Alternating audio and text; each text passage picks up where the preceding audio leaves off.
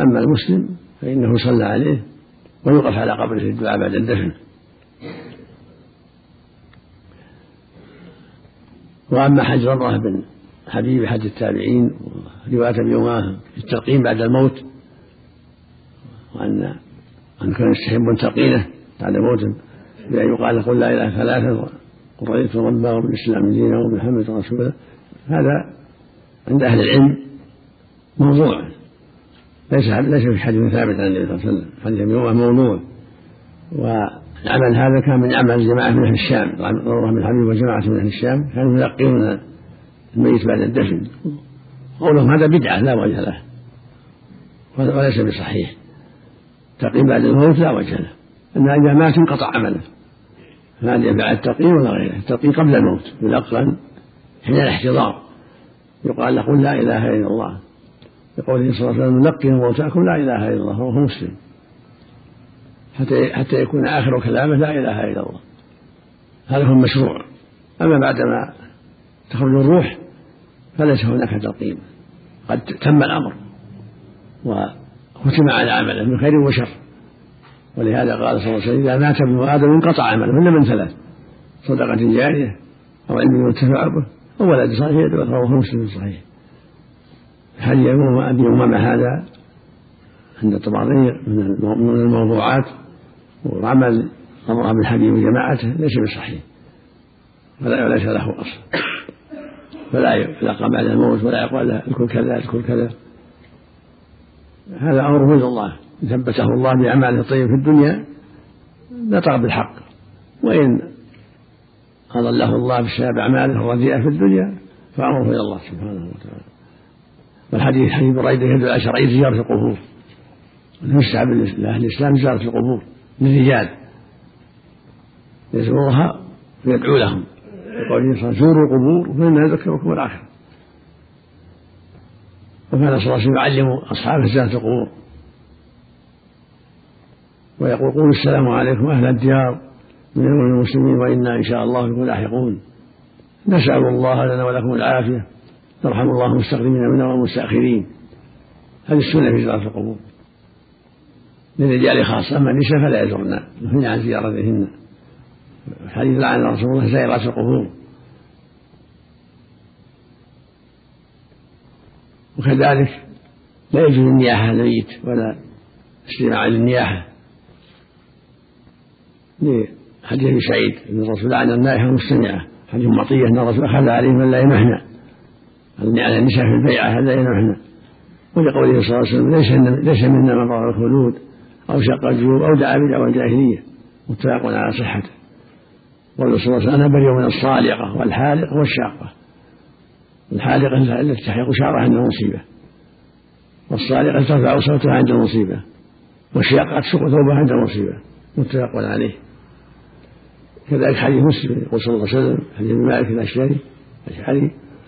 يقول صلى الله عليه وسلم أربع في أمة من يوم الجاهلية. لا يتركونهن الفخر بالأحساب والطعن في الأنساب والاستقاء بالنجوم والنياحة على الميت. فقال النائحة إذا تقبل موتها تقاوم يوم القيامة. وعليها سربال من قطران ودرع من جرى رواه مسلم. فالواجب الحذر من النياحة والاستماع إليها والتشجيع عليها. لأن الرسول صلى الله عليه وسلم نهى عنها وتوعد من فعلها. وأخذ على النساء ألا ينحن في موتاهم. من الكبائر. لأن الرسول برئ من فعل ذلك وقال ليس منا. حديث لعن الرسول نائحة مسلم هذه بعض المقام. لكن الأحاديث الصحيحة تشهد له وفق الله الجميع نعم. ما لها حاصل إلا بعض المراعي. بعض المراعي ولا ولا يعتمد عليها. من زار في أي يوم؟ الحمد لله. الجمعة أو السبت. ما لها حد محدود. يزور في أي يوم. وفي أي في أي وقت. في الليل والنهار. الزيارة لا تختص بوقت دون وقت في الليل والنهار في الجمعة في الخميس في غيرهما. نعم. الله فيحمل حديث تعليم الرسول صلى الله عليه وسلم لعائشة دعاء القبور وزيارتها كان كان كان كانت الزيارة أولا نهي عنها. للجميع. ثم رخص رخص فيها للجميع. ثم خص النساء بالمنع قبر النبي صلى الله عليه وسلم يدخل في ذلك نعم نعم نعم نعم قبر النبي وغيره صلى الله عليه وسلم الله إليك من قال إنه كما يسمع الميت قرع النعال يسمع التلقين. ليس الأمور بقياس. الأمور عبادة عبادة توقيفية. نعم نعم. العبادة التوقيفية. قرع النعال هو هو عمل صالح ينفعه. قرع النعال إذا سمعه لا يضر ولا ينفع. نعم. لكن إذا مات الإنسان ختم عمله انتهى عاد انتقل إلى دار الجزاء. وهو من دار العمل انتقل دار العمل في الدنيا.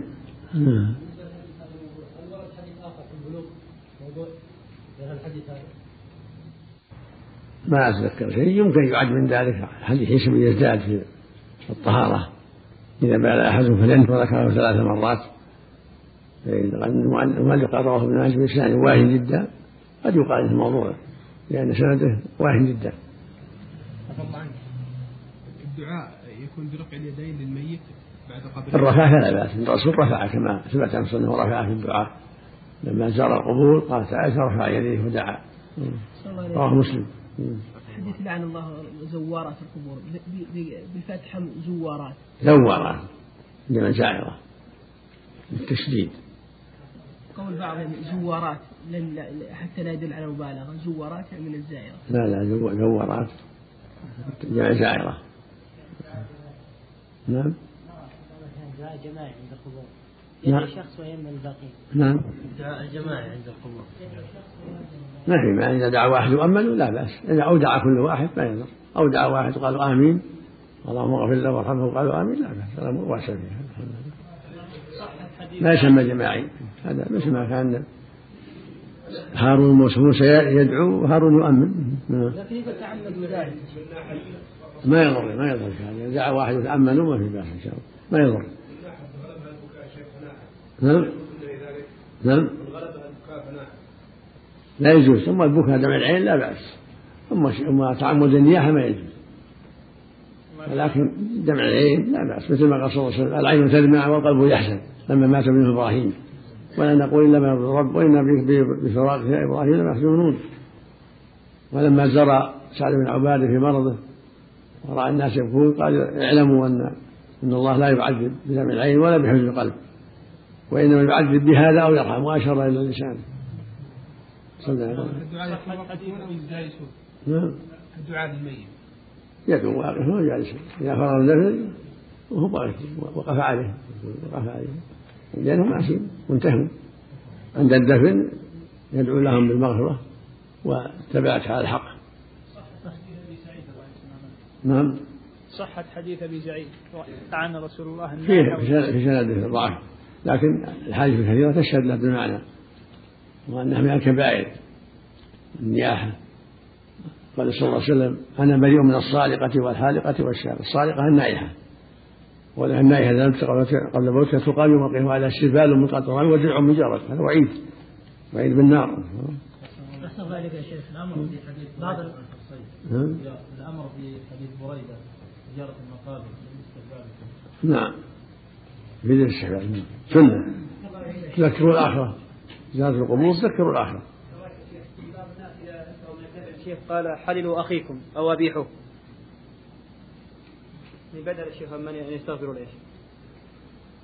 ما أعرف لها أصل لكن إذا كان يعرف أنه أنها ظالمهم طالب منهم يبيحوا ما في كان قد ظلمهم ولا ما ما ما في إلا اللهم اغفر له اللهم ثبته على الحق اللهم اعف عنه دعاء طيب. أحسن الله عليك يا شيخ. المكان يطالب